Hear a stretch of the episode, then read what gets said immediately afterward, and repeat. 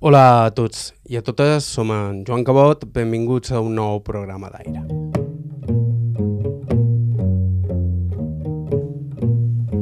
Quan vàrem entrevistar l'escriptor Miquel Rayó, ell ens va parlar d'un amic d'infància, Jaume Llabrés, fill dels propietaris de la Fonda La Paloma i el celler Montenegro, dues institucions en el barri ara conegut com Sa Llotja, però llavors anomenat de Sant Joan, per la petita església que hi ha a prop d'allà. Jaume Llabrés és un personatge ben curiós, va fer feina en un banc tota la vida, però s'ha convertit seguint el seu propi instint natural en un dels grans experts en el nostre patrimoni. De fet, Llebrés és, des de fa 30 anys, un dels responsables del Betlem del convent de Caputxines, que ell va aconseguir obrir al públic juntament amb la seva amiga i companya Aina Pasqual. Els seus pares provenien de dos llogarets i eren pagesos, però varen acabar fent feina a la funda que havien obert els seus padrins. Anys després es farien càrrec del mític celler Montenegro. La seva no va ser una infància fàcil, però està plena de records felinians d'aquells carrers a tocar de la mà. En el programa d'avui tornem a un dels barris més carismàtics de Palma a través de la vida d'un testimoni excepcional. Això és Aire, a IB3 Ràdio, us parla Joan Cabot. Començam.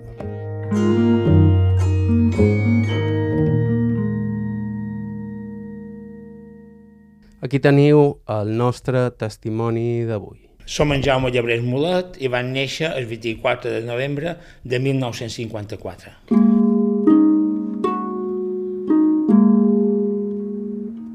El meu pare, tant la meva mare, que era d'escat d'allà, com mon pare, que era de Jornets, eren pagesos. Eh? Eren pagesos i no tenien terres, eren pagesos que se llogaven de missatges, ma mare de, de nina, ja de nina, que ara seria explotació infantil, però en aquella època era normal, en tots els nits d'escat d'allà, anava a collir oliva en l'hivern i garrobes en el temps de garrobes, no? a possessions com Galatzó o també eh, Peguera, per exemple, no? i sortien del poble en fosca, i se n'anaven a peu perquè no, no, no, no, se, no se duien ni en carro ni res, eh, fins a Solivà de Galatzó o fins a les terres de, de Pallera, feia tot el dia feina recollint oliva o collint oliva o garraves. I llavors tornaven a peu en el poble. Normalment, eh, aquests casos, cobraven un sou miserable i moltes nines i moltes dones que anaven a collir oliva, el principal és que agafaven, les apagaven amb una mesura d'oli, que llavors a casa seva la podien consumir i administrar. I que llavors, clar, també se cuinava molt en saïm. El soli era una cosa que la, que la guardaven bastant i el saïm, quan que se feien matances, pràcticament qui podia matava un porc i tenia saïm i administraven tot l'any, una economia molt, molt precària, no se passava fam, però s'administrava molt tot el que era el menjar. Llavors, què passa? Que això era abans de la guerra, sí? Ma mare era l'any 24, 1924, no? Després de la guerra civil, eh, molta gent de pobles, com que la feina del camp era molt dura, feina sol a sol per poder sobreviure i, i menjar, no és que guanyessin molt de dos bes, ni molt manco, eh? dos bes no en feien, ho feien per menjar, eh, molts van votar a ciutat a muntar petits negocis i intentar prosperar. Bé, aquest moment eh, que és un fenomen, és a dir, aquesta primera gran emigració de la part forana a ciutat, la majoria era gent pagesa, eh, que volia prosperar, perquè clar, eh, el camp també va entrar en decadència, les possessions, etc. Clar, en el turisme ja hi havia molta feina a hostaleria, i llavors els que tenien quatre dos Bs muntaven petits negocis. Podia ser una merceria, podia ser un colmado, podia ser una fonda, com es queden meus padrins, no? I aleshores, eh, la història és curiosa, perquè tant mon pare com mon mare venen de dos poblets petits, de Llogarets. Eh, eh, ma mare era de Llanera, és un poblet de, que pertany a Calvià, però en Cap de Llaner no li digués que és Calvianer, perquè és com un insult. I mon pare de Jornets, que pertany a Sencelles, que és un llogaret. i venien de la Mallorca, diríem, profunda, a més el cas de jornal, perquè el cas d'allà ja de nit hi havia llum elèctrica, a jornal no n'hi havia, ja a jornal quan anava a padrins anàvem amb llum de carburo i llum d'oli, entens? I els carros, eh, hi anàvem en carro, però eren camins intransitables i els cotxes no arribaven més ajornats, perquè a més a més hi havia batzers per totes les voreres i s'arratxaven els cotxes, o sigui, que ja encara anàvem en carro i a peu. O sigui, era una Mallorca rural encara molt autèntica, que jo la record amb molta nostàlgia perquè era molt màgic per jo anar a Can Cup, si casa d'Espadín de Jornada es diu Can Cup, que ara l'han convertit en un xalet estil mallorquín i l'han desgarrada totalment, que no he pogut passar per davant perquè em peia plorera. Eh? Però era molt màgic, eh? pujar un carro, nosaltres baixàvem a l'estació de Sant Palme, que ara li diuen el llaç, que és l'estació on la bifurca es tren cap a Manacor i es tren cap a la Pobla, i una estació aquí baixàvem amb poca gent, i jo i ma mare, el meu germà, baixàvem allà, enmig del camp, i pareixia que jo me n'anava com a les pel·lícules de l'oeste, amb un tren, amb un tren d'aquells que, que, que se'n va cap a l'infinit, i llavors els padrí mos esperaven el carro i mos duia fins a Jornada, perquè Jornada estava a 3 quilòmetres de l'estació, i clar, ja, pues, jo me pareixia màgic, i a pesar que he d'una vida molt austera, molt... Eh, la típica família pagesa que durant segles han cuinat a la foganya, eh, empraven el fons, se prestava un dia a la setmana, eh, anàvem amb lluny d'oli, amb lluny de carburo també, amb un palmatori, eh, les portes obertes, perquè les cases mallorquines sempre estaven obertes, ara no, tant, i en els pobles, en els pobles, quan anava a Costits, totes les portes de les cases obertes, ara impensable. Uh, I un fred terrible, perquè no, no, no hi havia calefacció, al vespre t'arrembaves a la foganya i pus. Però jo mai vaig sentir que allò fos com uh, un atras, com uh, que fos una cosa que el camp era més endarrerit i clar, a Palma teníem llum elèctrica, teníem aigua corrent, allà no, però jo sempre va viure com una cosa realment curiosa eh, i me sentia molt feliç, no? I estic molt content d'haver viscut aquesta Mallorca preturística, però molt autèntica, molt autèntica. I això m'ha quedat gravat sempre a la ment. I llavors què passa? Per la banda d'esquet d'allà, ma mare eh, també vivia per esquet d'allà, estava un poc més avançat. Els carrers estaven asfaltats, hi havia una camiona que te duia fins al poble, i llavors hi havia llum elèctrica. Uh, aleshores, el meu padrí, que era en Gitxol, en Jaume Mulet alemany, jo som aquesta part de Mulet, me ve d'Andratx, havia emigrat a Cuba un parell de vegades, havia fet quatre dobbers i havia comprat alguna casa i alguna propietat escat d'allà. Va arribar a tenir pues, de, tres, tres cases, o sigui, Casa Andritxol, que és allà on vivia, Cana Ramona i Cana Passeta. I llogaven aquestes cases i llavors ell eh, feia feina de tot. Meu padrí va, va estar, va ser mariner, se va a la marina, llavors va ser pescador, llavors va ser pagès, llavors va ser moltes coses que, que el que havia que fer perquè havia que sobreviure. I la seva tercera dona, la Catalina Castell Simó, se va casar tres vegades, la, la meva padrina mm, autèntica, la primera, va morir molt jove, quan, quan va néixer ma mare, l'any 24, eh, en Antònia Pujol Bonet, i llavors se va casar dues vegades més. Més que res perquè necessitava una dona que li, que li criés els fills, i els homes antigament eh, el que li interessava una dona que dugués a casa, de fer la roba neta i lo típic, no? O sigui, eh, se casaven per tenir com una criada casa seva, això és la veritat. Aleshores, i més sobretot, per quedar viuda amb dos fills, necessitava tenir un, aquesta figura, diríem, femenina. I aquesta, que tenia aquesta Simó, la tercera dona, havia fet feina de cuinera a una casa de senyors de Palma. Aleshores li va proposar que um, agafassin una fonda a Palma, eh, un traspàs, que se deia La Paloma, que, que encara s'hi diu La Paloma, és un restaurant del carrer Punta 2, en la època és a Punta 2 número 24, és el número que està situada en el cantó de, de carrer Montenegro, en carrer Apuntadors, just davant Can Marcel, que ara tothom coneix com Abaco, el carrer de Sant Joan. I aquesta fonda la duien un poblès i ell la van agafar en pas i se'n van anar a la ciutat eh, a prosperar. Se van anar a viure allà, aquesta fonda era molt interessant, ara ha una reforma, però a baix hi havia el, menjador, i la cuina, i un rebost, etc i uns soterranis molt grans, que eren uns antics ojubs, perquè se veia que havia estat un, un call de cisterna, i a dalt un entresol que era com a vivenda, amb una escala que baixava directament dins la fonda. I aleshores eh, la van tenir un temps, i aquesta fonda era molt popular. Aquell barri, el barri de Sant Joan, ara diuen la Llonja, però sempre el de Sant Joan, perquè l'església de Sant Joan de Malta, que està en carrer de Sant Joan, venia a fer funcions com a de la parròquia. Tornàvem a missa a l'església de Sant Joan de Malta i no a Santa Creu, que és la parròquia mos toca, però com que Santa Creu, que més fora, anàvem allà, no? Aleshores, vam estar allà, i mon pare, clar, com una dona d'escat d'allà, va conèixer un de jornets quan la gent no se movia. Ell no és com ara, que tenen cotxes i tal. Mon pare me conta la primera vegada que va veure la mà, que va ser una mestra de la república que es va dur a veure la mà, m'entens?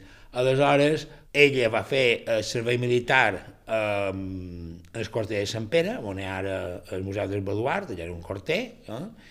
i a la Font de la Paloma hi anaven molt de soldats, i també treballadors del moll. El moll antigament estava a la riba, no estava per aires, eh? o sigui, el moll estava a la riba de, de, davant de seu. Eh? I clar, pues, se va conèixer ma mare, que era la filla de la fonda, se va enamorar i se van casar. I mon pare pues, ja se va quedar a viure amb aquests sogres. Crec que, crec que va haver unes tensions, perquè clar, això de viure ells amb els sogres no era una cosa molt, molt pràctica, diguem, i varen deixar el negoci un, un temps i se'n tornaren al cap d'allà i aleshores ells van posar un cafè al cap d'allà. Van posar un cafè al cap d'allà, en el carrer Major, i el cafè tampoc no anava molt bé, i en aquest temps jo vaig néixer. Vaig néixer que això l'any 54, i de fet jo havia de néixer cap d'allà, però ma mare tenia la comara a Palma, i el germà Joan, que és de l'any 50, quan era 4 anys més major que jo, havia nascut a Palma, que és aquest període de la, de la Paloma. I ma mare se va parar de part, que ja era, tenia, ja són set mesos, se va parar de part perquè se va posar a traginar mobles un dia, no sé què, i li va provocar espart, i va venir a Palma, a parir a Palma perquè tenia, volia que la mateixa com ara que havia tès el meu germà me tingués a mi. I jo vaig néixer a un pis de, de finca d'Esborn, davant del Solleric, just davant de Can Solleric, on hi havia fotoborne, eh, que hi ha una tia meva, jo vaig néixer a Palma. El que passa que llavors vaig tornar a Escat d'allà, me vaig tirar en Escat d'allà i oficialment són Cat de Llaner. Però llavors, quan jo tenia ja un anyet o això, no arriba, tornaren a Palma i agafar la fonda. I ja ens vam instal·lar a Palma sempre. Ja vam estar allà eh, eh, fins que mon pare va traspassar la fonda que devia ser mem, Jaume, als anys 70. Als anys 70 em va traspassar la fonda i llavors van estar temporada sense tenir negoci i llavors es varen tornar a agafar el carrer Montenegro, el carrer Montenegro, el celler Montenegro. O sigui, han tingut dos, dos restaurants molt emblemàtics del barri de Sant Joan o del barri de Santa Creu. Com era el barri llavors? Bueno, hi ha dues etapes. La Paloma, sí, Uh, la Paloma és un nom que ja estava instaurat, aquesta fonda ja existia als anys 40, perquè la trobam a guies i tal, i era un restaurant popular, eh, com el túnel, eh, de gent treballadora, treballadors del moll, soldats, i feien eh, un menjar mm, de batalla, o sigui, típic de postguerra, eh, plats que omplissin, és a dir, eh, eh, feien estofat, feien llenties, llegums, arròs, però molt casolà, molt, molt casolà. I a la Paloma el que tenia molt d'èxit, i és un plat típic de postguerra, era de carn amb patata. La carn amb patata era de, de les puntes de tear, les, peces del bistec i tot això, se feien trossets petits, trossets petits, com si fos per frit, m'entens? I això se, se, se cuinava dins una casserola eh, que, torna, que torna a ser carn blana amb una mica de brou, eh? i quedava com aquella carn molt humida, eh? i això estava en una casserola, llavors es posava en un plat, i en un plat posaven un, tot un sostre de patata frita i banyaven la patata en, so, en la carn aquesta. Això era un plat, però tenia, això era el plat estrella de la Paloma. El soldat tornava locos amb això. I llavors, normalment, te donaven un llonguet, sigui, menjava, o sigui, eh, no ara un pa mallorquí tallat, no, un llonguet. I se menjaven el llonguet i mullaven tot el suc que hi havia dins el plat, perquè era una època de, de, de, de, de gana, hi havia pot d'obbers i aquest plat tenia un èxit brutal. Això, la carn amb patata eh, era, i jo m'agradava, ja era menjar, perquè era molt gustós, no? I omplia molt, o sigui, patata i aquella carn humideta, i llavors encara podies menjar un llonguet, i llavors un tossó de vida aquests barateros, anava més content que unes pasques, i era un plat molt econòmic. I hi havia aquesta clientela de treballadors del moll, que sentien la sirena quan acabava l'horari laboral, la sentíem, eh? hi havia matisos de, de, de renaus o de sons, etc. El barri era molt viu perquè hi havia molt de petit comerç, a cada cantó hi havia un colmado, hi havia una merceria, hi havia una lleteria, hi havia diversos forns, hi havia molta vida, molta vida. Aleshores també és una època que les dones d'aquella època estaven casades, estaven a casa seva, cuidaven de la casa i anaven a comprar, a plaça, però si eren compres més eh, eh, petites anaven sempre a, a la botilla. I allà era eh, la ràdio del barri, perquè allà en la Madonna tothom sabia el que passava, que havia passat, que s'havia mort, que s'havia casat, que si una s'havia casat amb una xuetona, perquè en aquella època encara això era mm, un, una tara, m'entens? O sigui, i, i, i tot això se sabia. I anaven allà i passaven el parte de, del dia, m'entens? I era una vida, clar, jo ara que, que fa dos anys he viscut, fins fa dos anys he viscut a, a aquest barri i, i ara estic a Sineu. A vegades, però és que m'he somiat. M'he somiat. És aquest barri ho veus les pel·lícules italianes de neorealisme o d'en Fellini, perquè hi ha personatges molt divertits. Per exemple, nosaltres anàvem una, a una botiga que se deia Cama de Rosa, que una dona tenia un ull de vidre, i en Miquel també la recorda. I si te despistaves, te ficaves que aniva a la balança i feia que es pes pesars més, m'entens? Però era una institució en el barri. I nosaltres, que érem bastant dolentons, l'enredàvem i anàvem en el mostrador i si li podíem robar una xocolatina o qualque cosa, pentinàvem el que podíem, no? I era una institució, aquesta dona, allà en el barri. Estava, ara sé que ha sigut cafeteria d'aix, és banca nostra. A davant hi havia una llanterneria, que, que ara això apareix com una cosa surrealista i bueno, eh, hi havia molta... Els nens jugaven en el carrer, tots estaven en el carrer, hi havia el que diríem en castellà pandilles, que ara en català no sé com se diu, nosaltres mos tocava ser de la llonja, i mos deien llongeros, eh, de la Puig de Sant Pere Puigceros, i llavors hi havia la plaça de Sadesana que es deien tarzaneros, això és la manera de, de, de comentar, no? Què passa? Que tenim un territoris molt marcats, nosaltres, els de la llonja, teníem mitja plaça Sarassana cap a la llonja era nostra i mitja plaça cap a Puig de Sant Pere era del Puig de Sant Pere.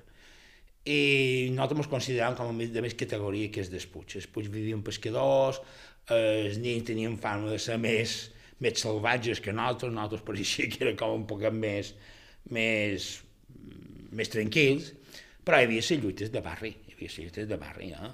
Jo de nin, eh, que anava dins un cotxet, Mo mare, clar, ma mare feia feina a fonda, de cuinera, i mon pare era l'amo, m'entens? I teníem una teta, una dona major, una, una, era una lota en aquell moment. I me duia passejant el cotxet, i, la, i aquella, clar, una lota tenia més joguera que guardar infants. I me va dur a la plaça de la llonja, me va deixar allà aparcat a un costat, se va armar una guerra entre llongeros i, i putxeros i no sé què, i va rebre una pedrada. Me van pegar una pedrada en el front i quan va tornar a casa nostra i ma mare va veure tot aquest de sang, la van engegar. Però jo, sent un nin de, que encara no caminava, va rebre aquest batisme de foc de la llotja. Per això dic que jo la meva padrina de fons és la llotja, perquè això m'han contat sempre, clar, jo tenia, no dir no em vull recordar, però bueno, això va ser un, es, un escàndol, no, que m'havien pegat una pedrada de, de, de, de nin. Ara, clar, eh, veus allò i hi ha una toponímia que se va perdent, eh, això s'ha de Cama de Rosa, és una altra botiga molt important, un colmado, perquè era com a més pretensions. Cama de Rosa era com a més popular, però una que estava muntada més a la francesa, per dir-ho de qualque manera, era Can Clever, que estava aquest de cantó Estany Montenegro. I aquest Clever, que eren mallorquins de Socarrel, eh, aquest llinatge d'origen francès diuen que eren descendents de, això et deien, eh, que això saber si és bon o no, d'algun soldat francès de l'època que havien empresonat a Cabrera, que s'havia quedat a Mallorca i havia creat descendència aquí eh, a Mallorca. Es veure que era d'origen francès, però bueno, podia ser jo que sé, que un solleric hagués anat a França i s'hagués casat a, eh, a una sollerica i s'hagués casat amb un francès i hagués vingut a Mallorca. Però ells deien que eren descendents d'aquests presoners de Cabrera. Això una de les coses que deien. bueno, és una anècdota. Era una, una, un colmado molt ben, molt ben muntat, eh, era molt guapo veure com hi havia com eh, un departament en fusta amb una tapa de en vidre i allà hi havia els llegums, l'arròs i tot això, i ho tenia molt ben muntat. I com molt de, de negoci d'aquesta època, vivien en un entresol, eh? que és això, és com a, el sistema és el gorfa de l'època medieval, que va ja al taller de feina i a dalt la vivenda pues a la Paloma nosaltres teníem igual, vivíem en un entresol i a baix del negoci, i ell també vivia en un entresol i a baix del negoci. I normalment la part de davant tenia doble altura i un balcó que goltava dins el colmado o un balcó que goltava dins la Paloma. Això és una arquitectura que ha anat desapareixent de Palma, queda qualque vestigi d'aquest tipus d'arquitectura el carrer de Sant Elies. Hi ha un antiquari que que són antiquari que han, de Maria Bonat, que té encara un local d'aquestes característiques que és una pena que a Palma se, se perdi, hauria de ser un Vic, perquè és la típica vivenda dels artesans o dels menestrals o els que tenien negocis, entre sol i mm, negoci o taller a baix. Com era criar-se a, a la Paloma? Perquè clar, també devia ser, eh, des del punt de vista antropològic, com a, com a interessant, no?, tot el trànsit de gent que passava per allà. Sí, bueno, eh, hi ha dos matisos. Per una banda, que això representa molt un moment de, de la postguerra, no? Nosaltres vivíem en les cuineres. Les cuineres eren ibicenques i vivien en nosaltres. Què passa amb aquestes dones? Aquestes dones, algunes d'elles, Madò Catalina, que li deien ser jove perquè ja no sabia Madò Catalina saber que és la meva testa, era una dona que havia fugit d'Eivissa per maltractes de Somo. Una dona maltractada, Somo Somo li pegava, li pegava i tal, va agafar els de pins, va agafar la filla i se va venir a Mallorca. La manera de, de, de, de, de sortir d'aquell infern era venir a Mallorca, venien a man de Montescap. I com que van anar en principi el cap d'allà, i el cap d'allà la coneixien, perquè havia llogat una casa, la van agafar de cuinera, no? I llavors hi havia la Pepa, que era una dona viuda, sense fills, que també era ibicenca, José Farriera Serra, Serra era ella, també va venir allà, i na Margalida Maritur, una altra lota jove, que també va venir a Mallorca, venia a prosperar. Perquè ara Eivissa és com un paradís i tal, però dins les Balears, dins les Balears, abans, Eivissa eren considerats de manco categoria. O sigui, un, una societat molt rural, molt pagesa, com a sa, sa, eh, el lloc més atraçat de les Balears. I, en certa manera, se tenia com a... Menorca i Mallorca ens sentien com a superiors als ibicencs. Això és així, potser els molesta que es digui ara, però és així. M'entenc, com ara jo tinc aquí una casa que està fantàstica, i tenc quadres perquè són col·leccionista, però jo venc de pagesos de Sol Carrel que anaven descalços, només podien dur espardenyes per anar a missa que ara eh, tot s'ha trasbalsat tant, que les terres valen tant, i oblidam que els nostres padrins eren pagesos que no tenien dos bes ni per tenir uns espardenyers diaris. Entens? I això ho veus en les fotos d'en Panfrau d'aquí de, de l'arxiu de Sineu, eh, que és Sineuer. O sigui, que no mos enganem, entens? Això era així. I, es, i per exemple, els Ibicencs es considerava com a de manco categoria, perquè no serà molt rural. Això no vol dir res, que no, o sigui, era gent fanera, però era gent molt pobra. Així de clar, com també quan van venir els murcians a, a l'època turística, oh, és un murcià, no deien un cert pretès despectiu. M'entén? Però això era l'època com era. Eh? I nosaltres tampoc no podíem presumir massa perquè els nostres padrins, ja te dic, pagesos totals i absoluts, o sigui, i venien a Mallorca a prosperar, venien a Mallorca a prosperar. Perquè Eivissa encara és bon turístic, no havia entrat tant com a Mallorca, i venien aquí i feien feina a lo que fos, eh, en el camp, a, a hostatgeria i tal. I nosaltres teníem cuineres i vicenques. i vivíem amb elles, de tu a tu. Clar, mon pare i ma mare venien de la pagesia i no i convivíem amb ells com si fos família. Menjaven el mateix que nosaltres, dormien a casa nostra, eh, una relació familiar, s'integraven. Mon pare no se podia sentir superior a elles, perquè realment tots venien d'allà mateix. M'entens? A pesar que se... Però això significa aquesta migració vicenca perquè l'entenguem. I algunes d'elles, durant una temporada, durant un temps, exercien la prostitució a, Sant Antoni, a, la, a la porta de Sant Antoni algunes d'elles. No les que les nostres cuineres, però les que no trobaven feina, no els quedava més remei que, que fer el que fer, m'entens? Que llavors se van tenir sort i se van casar i, i res, però era una cosa puntual, perquè clar, si no trobaves feina, a qualque banda t'havies de, de ferrar. I llavors tenim una clientela molt variada. Primer tots els soldats, els treballadors del moll, també venien algunes prostitutes, o putes, que diguem, que, clar, és un barri que estava a vora el que passava turisme, hi havia marinos i tot això, abans que venguessin els marinos americans, i de, hi havia feina d'aquells estils, i llavors els molls i ports sempre hi ha hagut prostitució. No era el barrio chino, eren dones que feien feina pel seu compte, eh? i venien a menjar a la fonda. Se tractava molt de respecte, eh? o sigui que a nostra eh, deien dones de la vida. Això de putes no se deia, eren dones de la vida. Hi havia com una solidaritat, perquè tots, un, cadascú se defensava per sobreviure aquests anys 50 i 60 com podia. És a dir, uns perquè fugien del camp, altres dones que potser eren mares fadrines, que vivien a pobles miserables, eren dones maltractades, fugien i anaven a altres ciutats i estaven estigmatitzades, havien de fer el que podien, m'entens? I n'hi havia una que se deia, que era madrilenya, crec, però xerrava castellà sempre i tal, que deia la quiqueta. I deia la quiqueta perquè era ja una dona menudeta, eh, una dona menudeta, i ella anava vestida amb aquestes faldes de flors tan fonades que s'usaven, que encara el Almodóvar s'ha parlat de les pel·lícules, una brusa així com molt senyida, i sempre, eh, clar, com que ja era una dona que crec que tenia més de 40 o 50 anys, anava amb homes majors, perquè és client i tal.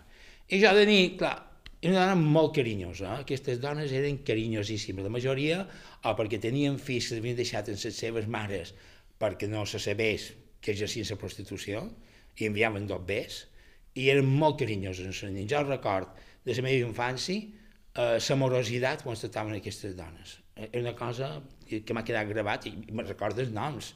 Eh? I, I jo el que me feia gràcia és que venia i jo deia no, eh, la Quiqueta, cada vespre veiem un nòvio diferent, perquè clar, jo que no interpretava altra cosa, i té molt de nòvios, ve, veiem un nòvio diferent, i la convidaven a sopar. De les coses que feien és convidar a sopar, però l'important era menjar.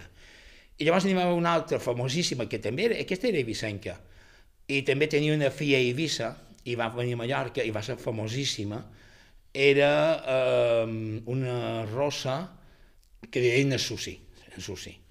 I tenia el seu corte general a una pensió del costat i allà duia els clients.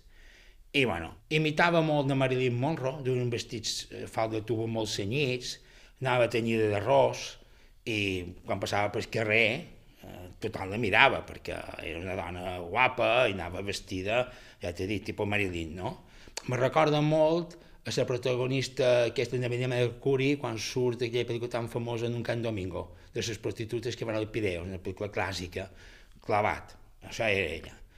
I allà pues, tenia la seva clientela i nosaltres que jugàvem al carrer veiem que pujava i davall, pujava i davallava i li posàvem el nom de, de tragar quilòmetres, perquè deien que la veien a Porto Pi, llavors la veien a Palma, llavors la veien avall i tot el dia estava per amunt i per avall. I és un, un nom que me van inventar els lots però mai vaig sentir eh, amb qualque nostre que se tractassen en despreci, perquè a vegades venien a menjar o el que sigui, i me'n record que el dia de la primera comunió que va fer, que quan jo estava dins del cotxe, eh, mon pare i mon mare tots mudats, ella va sortir de la pensió, va goitar per la finestreta del mòbil, me va fer una carícia i me va felicitar. I me va mirar amb una tendresa que jo és el que més recordo de la meva primera comunió la tendresa d'aquesta dona com em va mirar i diu, ah, com eh, se va impressionar, diu, no, la meva filla l'any que hi va fer la comunió a Eivissa. I això em va quedar gravat, era un nen que tenia set anys, no? però ni res, eh, ma mare sí i tal, però l'expressió tan tendra i tan carinyosa d'aquesta dona m'ha quedat gravat, és el que m'ha quedat més gravat de la meva primera comunió. I, bueno, llavors molta vida de barri, o sigui, jugant al carrer, voltàvem molt la capcillet aquesta que ara és la Conselleria de Turisme, que, amb, que se diu Can Ripoll a Can Morell, i, que, que allà on jugaven nosaltres sempre, a jugar conions a l'aire, a, a tot. O sigui, jugàvem moltes hores en el carrer, o sigui, moltíssimes hores. Després de la Paloma, els seus pares obririen un altre negoci al barri, el celler Montenegro, un restaurant mític que va estar molts anys obert i que es va convertir en el refugi d'artistes i intel·lectuals d'aquella època. El celler Montenegro va agafar mon pare eh, ja pels anys 70 i pico i era en principi un celler de tapes. Nosaltres el vam fer ja de cuina mallorquina. I el celler vam viure molt eh, aquesta moguda de... Mm, de la democràcia, etc. Allà venien tots els partits polítics d'esquerra, del PSOE, etc. I també mmm, venien molt d'artistes. Totes les companyies que actuaven en l'auditorium, com de de Gom, el Joglàs, tot això passaven per Montenegro. També artistes com en Guino Bart, eh, en Juli Ramis, hi havia un ambient molt bohemi, podríem dir. Montenegro era un celler eh, així, molt bohemi. La pena que no vàrem fer un llibre de firmes ni firmar les botes, perquè va passar molta gent interessantíssima. Uh, en la Fortesa, quan actuava en el Rialto, en la Mari Sant Pere, uh, jo què sé, i molt de grups, ja t'he dit, de, de l'auditori on passaven per Montenegro, perquè érem un celler que fèiem una cuina mallorquina molt bona, sobretot quan el meu germà va agafar la cuina i era molt bon cuiner, meu germà era molt bon cuiner, això no, no, no, no, puc, no puc dir que altra cosa d'ell, la va moltíssim en aquest sentit i feien la cuina casolana com per nosaltres. El mateix que menjaven nosaltres, menjaven els clients. I van tenir aquesta època com molt de la de Palma, no? o sigui, els artistes i tot això, i el celler nosaltres posàvem cartells, la majoria de cartells d'esquerres, la reivindicació del GOP, de la Canova, eh, tot el que era anti, eh, tot el que era ecologista ho penjaven en el Montenegro, i exposicions, que té d'exposicions d'Antoni Tàpia, d'en Miquel Barceló, de tots aquests, a les botes de Montenegro sempre eren aquestes pissarres, diríem, ja de modernitat. I vam ser un celler molt popular en aquesta època, Antoni Serra, en Cristòfol Serra, l'escriptor, era fixo, tenia la seva taula, i venia menjant en Montenegro sempre i, quan, i moltes vegades quan l'entrevistaven citava els periodistes en el celler, no? Hi ha fotos d'ell en el celler, no? I de fet s'havia oferit a prologar un llibre de cuina del meu germà. El meu germà va morir en, en 60 i pico d'anys i no arribar mai a publicar aquest llibre, però Antoni, Antoni, en Tòfol Serra, perdona, sí que li volia prologar el llibre perquè considerava un gran cuiner. I sí, va ser una època, i jo l'he conegut, en aquesta època jo tenia Home, jo vaig entrar al banc en 18, però des 14 en el 18 feia feina en el celler, i aleshores, i llavors com que anava a menjar, ho veia, i, i, i llavors pintors, etc, molt de pintors, artistes que es posaven en el sollerí, que en aquell moment passaven per allà. I era un ambient diferent en el de postguerra de la Paloma. Han viscut dues fases, la fase de la postguerra i la fase de, de, ja de l'oportuna democràcia i polítics en Tarabini, en tots aquests han passat. Mancos de dretes, no, que clar, jo que és de dretes no venien perquè, clar, els cartells tot eren esquerrans i crec que els hi pegava un atac de picó si entraven en el Montenegro, però tots els altres sí que venien. Clar, els barris estan de vores moll són barris que van com a més avançat que la resta de la ciutat. A l'època de postguerra, hi havia com una llibertat, com més llibertat, no? perquè estàvem en el moll, els dos cabarets que hi havia, que era el Titanic i el Casablanca, estaven a la zona de la llonja.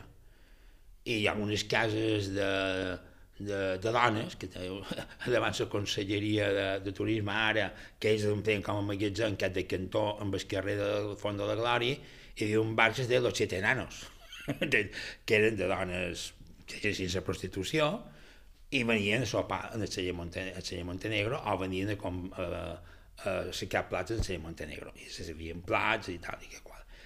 Però eh, hi havia un respecte perquè nosaltres a aquesta època, als anys 60, la pensió de l'altre costat la duia una parella homosexual, que era un, un Joan, que era de, de Santa Margalida, i l'altre era un Basilio, que era un bailarí, un home molt guapo, que se de Bailicidio d'antes d'Espanya, i tothom sabia el que era. O sigui, no, no, no, no, no. Ningú ho deia, però tothom sabia el que era.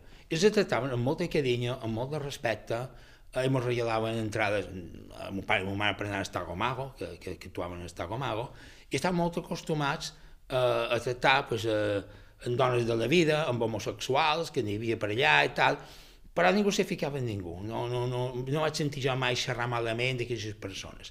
Més, la part baixa de la ciutat sempre ha estat més dinàmica que la part alta. La part alta està com més aristocràtica, més eclesiàstica, si vols, però nosaltres hem estat una zona on hi ha hagut galeries d'art, esborn, que hi havia molt de, molt de cafès, moltes terrasses, etc. Hi havia un ambient més, més viu, més actualitzat, si vols, i també passava més turisme per allà, m'entens?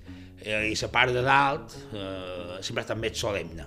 Era Jaume Llebrés, el nostre testimoni d'avui. En uns segons continuem escoltant la seva història. Això és Aire a IB3 Ràdio. Fem una breu pausa i continuem.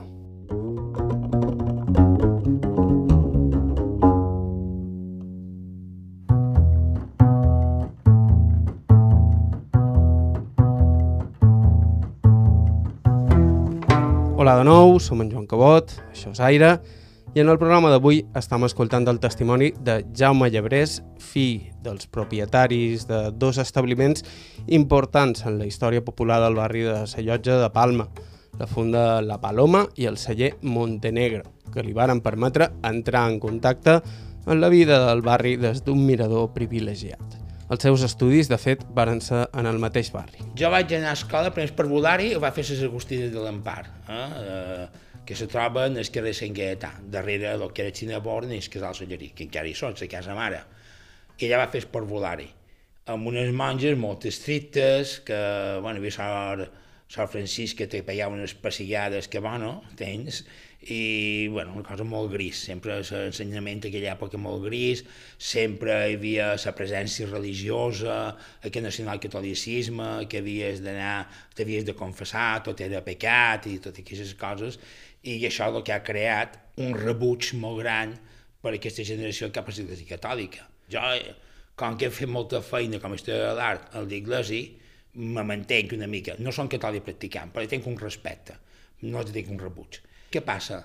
Que quan va fer Esparvulari, vaig acabar Esparvulari, havia d'anar en els teatins, que estaven en el carrer d'Esví, carrer general de Barcelona, però no m'hi van dur.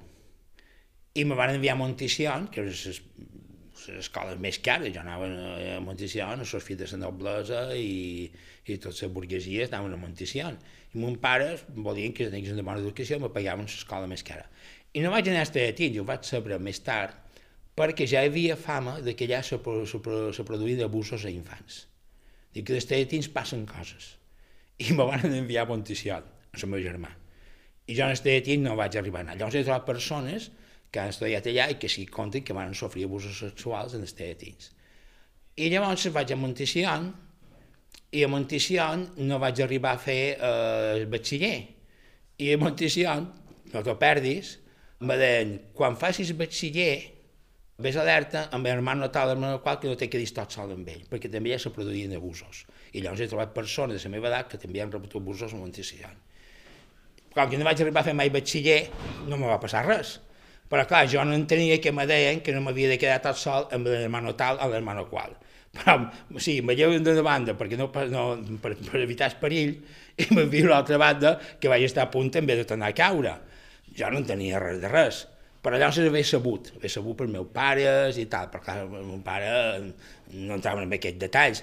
I a més a més, com que això passava eh, en l'inglesi, hi havia un pacte de silenci, i a més a l'època del franquisme, el nacional-catolicisme, això se tapava totalment, però la gent de Benet ho sabia no podien denunciar, perquè una mare que denunciés això, eh, la policia i la Guàrdia Civil no li feien ni punyetero cas, perquè l'Iglésia tenia un poder creïble. Però això ja ve de molt enrere, perquè això és una cosa que diríem que jo crec que s'ha produït durant segles, no?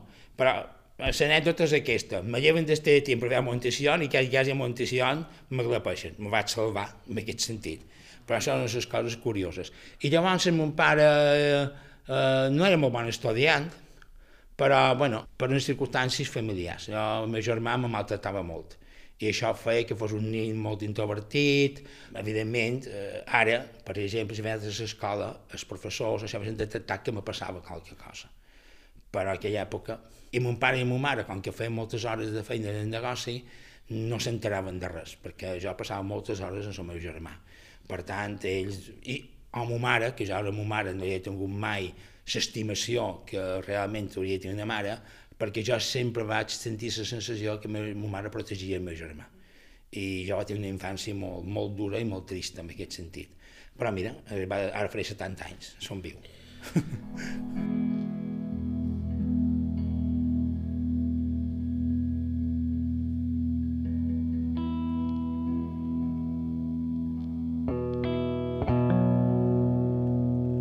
Aquests abusos marcarien la seva vida per sempre, però ell trobaria un contrapès en el seu amor per la història de l'art, una afició que va poder explorar gràcies a la seva feina en un banc. Mon pare i mon mare em van posar a estudiar estudis comercials, que en aquella època eh, fer feina en un banc era fer feina de senyors.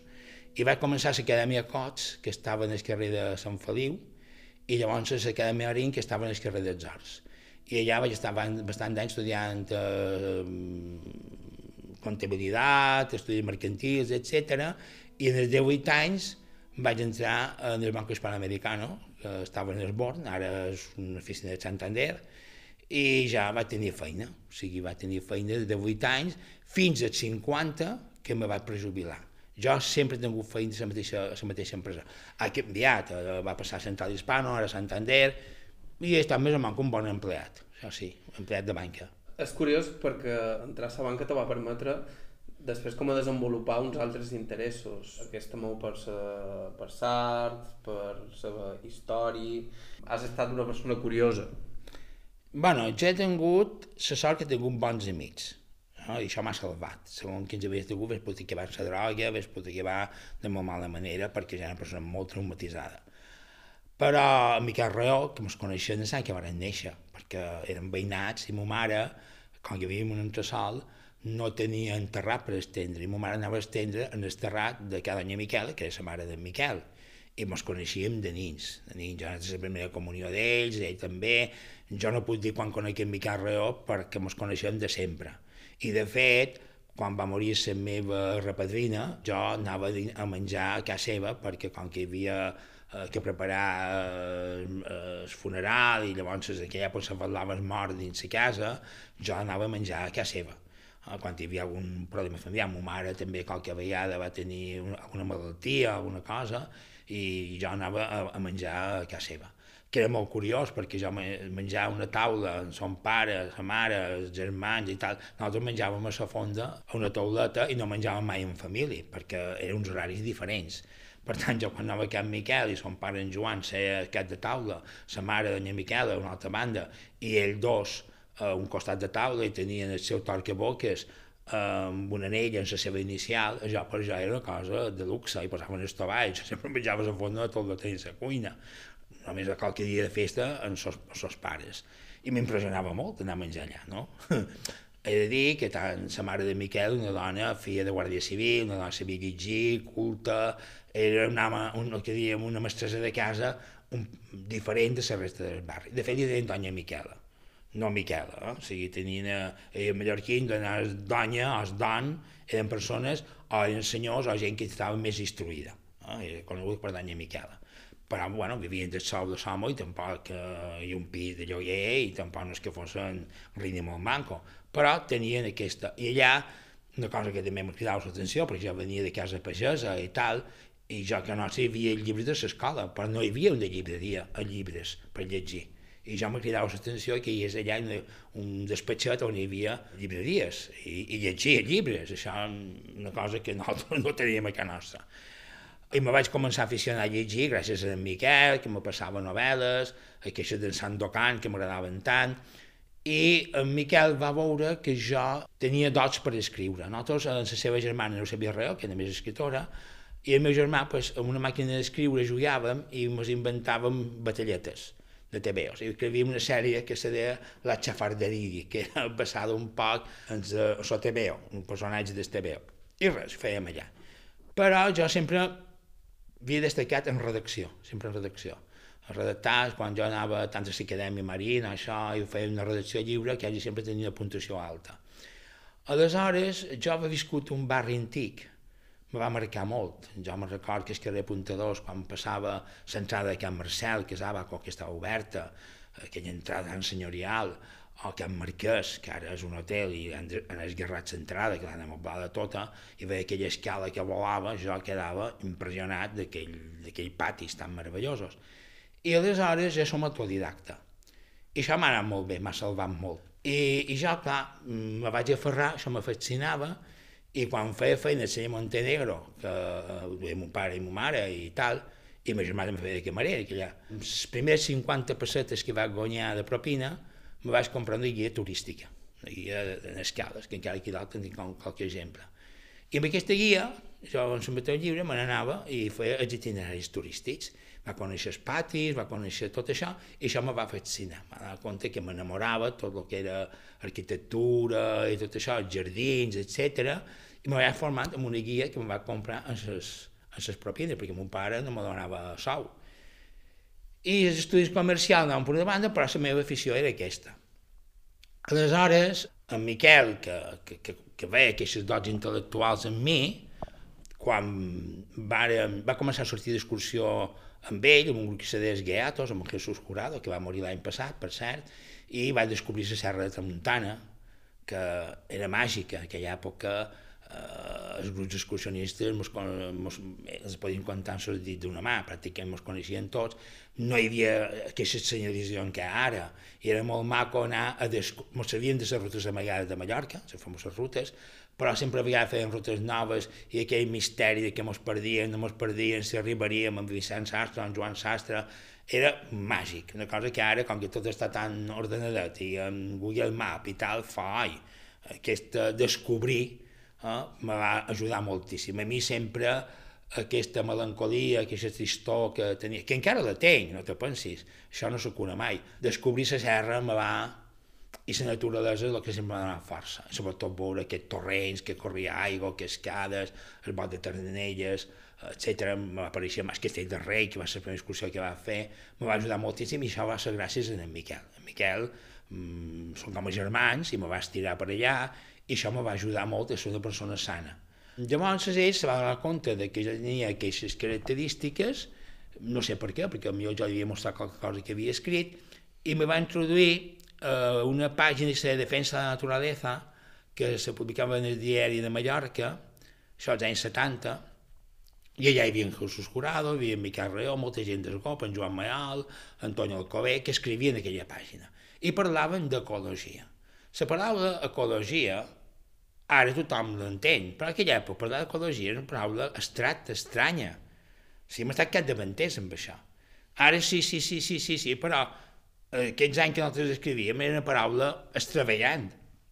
I començàvem a denunciar la valorització, la destrucció del paisatge a través de, de, de l'urbanisme incontrolat, eh, sobretot vam una gran campanya per salvar els voltors, que sé, menys, eh, menys de, menys de, de 20 voltors a Mallorca, que penjàvem un cartells, me recordo de vegades que de ser van penjar un cartells que los mos volien pegar, perquè era una cosa molt agosarada en aquell moment, i jo amb això llavors va participar en aquesta pàgina i feia com a temes de, de patrimoni, arquitectònic, a la serra, tal, uns articles que jo els llegeix que trobo com a molt, molt infantils, però funcionaven. I aquesta pàgina, per la seva novetat i per la seva per ser una pàgina agosarada, quan no s'atrevien a parlar de naturalesa ni de, ni de destrucció dels paisatges i tal, va ser Premi Ciutat de Palma. I allà ja me va començar a arrencar.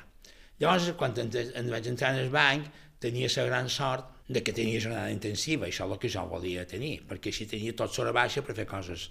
I bueno, va començar a fer col·laboracions a la revista Lluc i coses així, i m'anava mullant a poc a poc. També vaig que aprendre a escriure en català, perquè no m'ho havien ensenyat, jo matí que pagar un professor particular per aprendre català, perquè no, no, no, no, havia, no hi havia manera, no?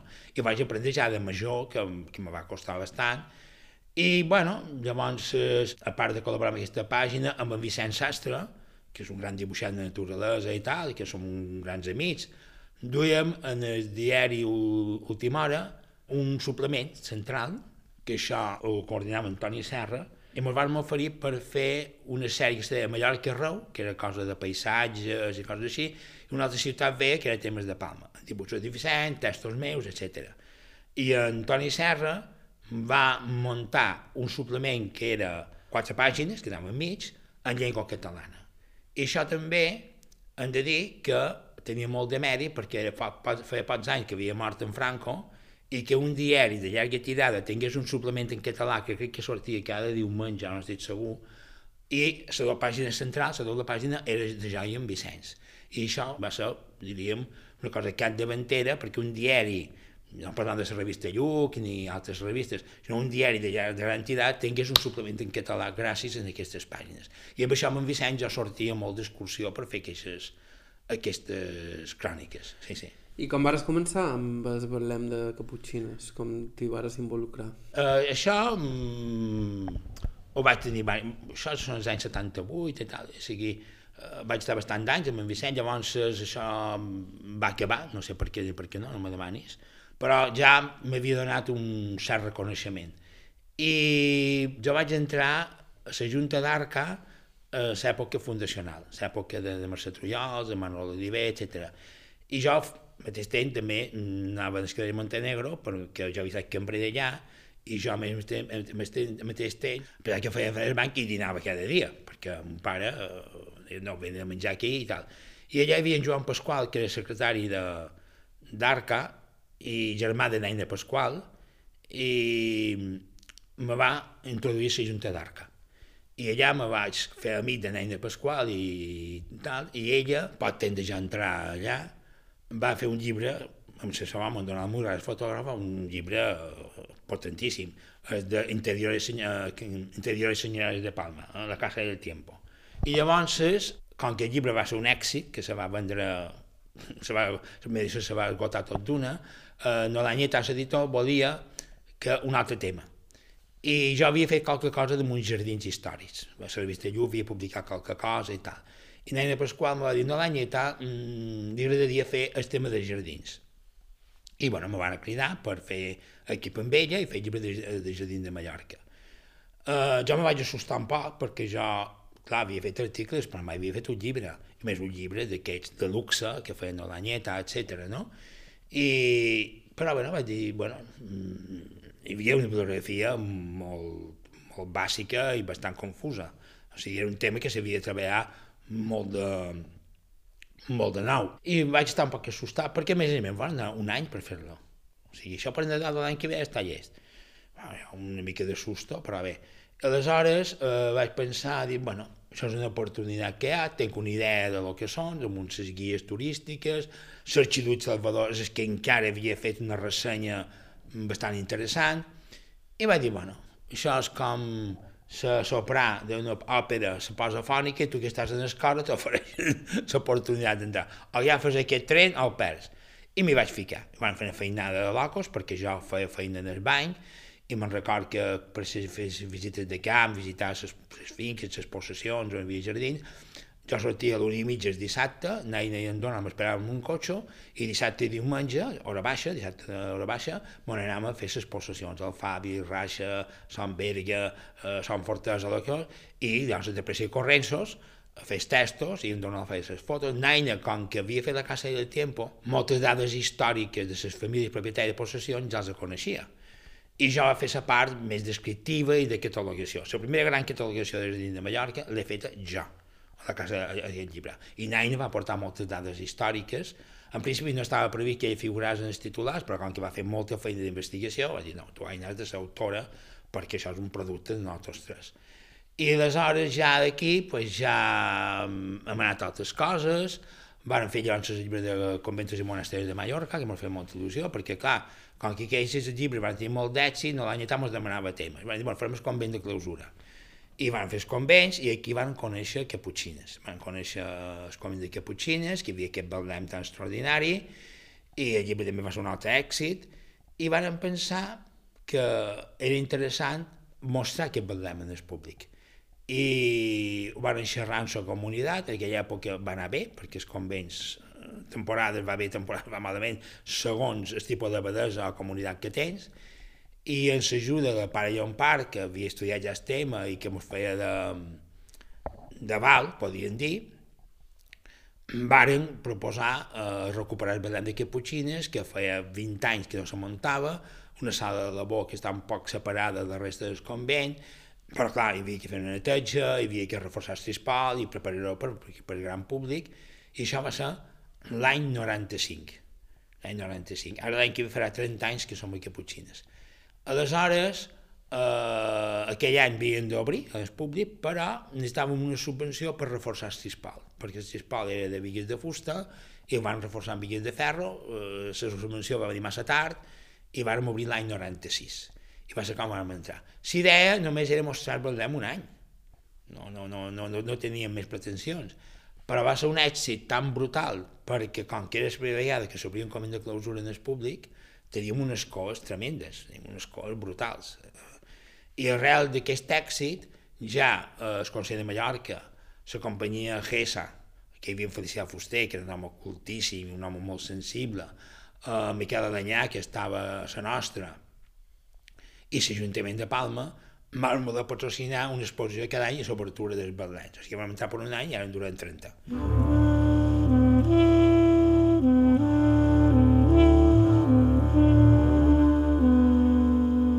I fins aquí el programa d'avui. Moltíssimes gràcies a Jaume Llebrés pel seu temps i la seva amabilitat i moltíssimes gràcies de nou a Miquel Rayó, que va ser qui ens va donar la idea.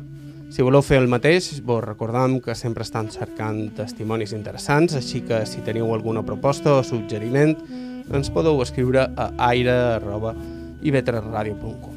Podeu accedir a tot el nostre arxiu i vos podeu subscriure al nostre podcast a qualsevol dels agregadors disponibles i a ivetres.org barra carta. La música que feim servir habitualment és de Joshua Abrams, Natural Information Society, Sirom, Marissa Anderson, Jim White, Oren Ambarci, amb Johan Berthing i Andreas Berlin i Charles Rumbach. Bàrbara Ferrer, a la producció executiva, vos ha parlat Joan Cabot. Gràcies per ser a l'altre costat i fins la setmana que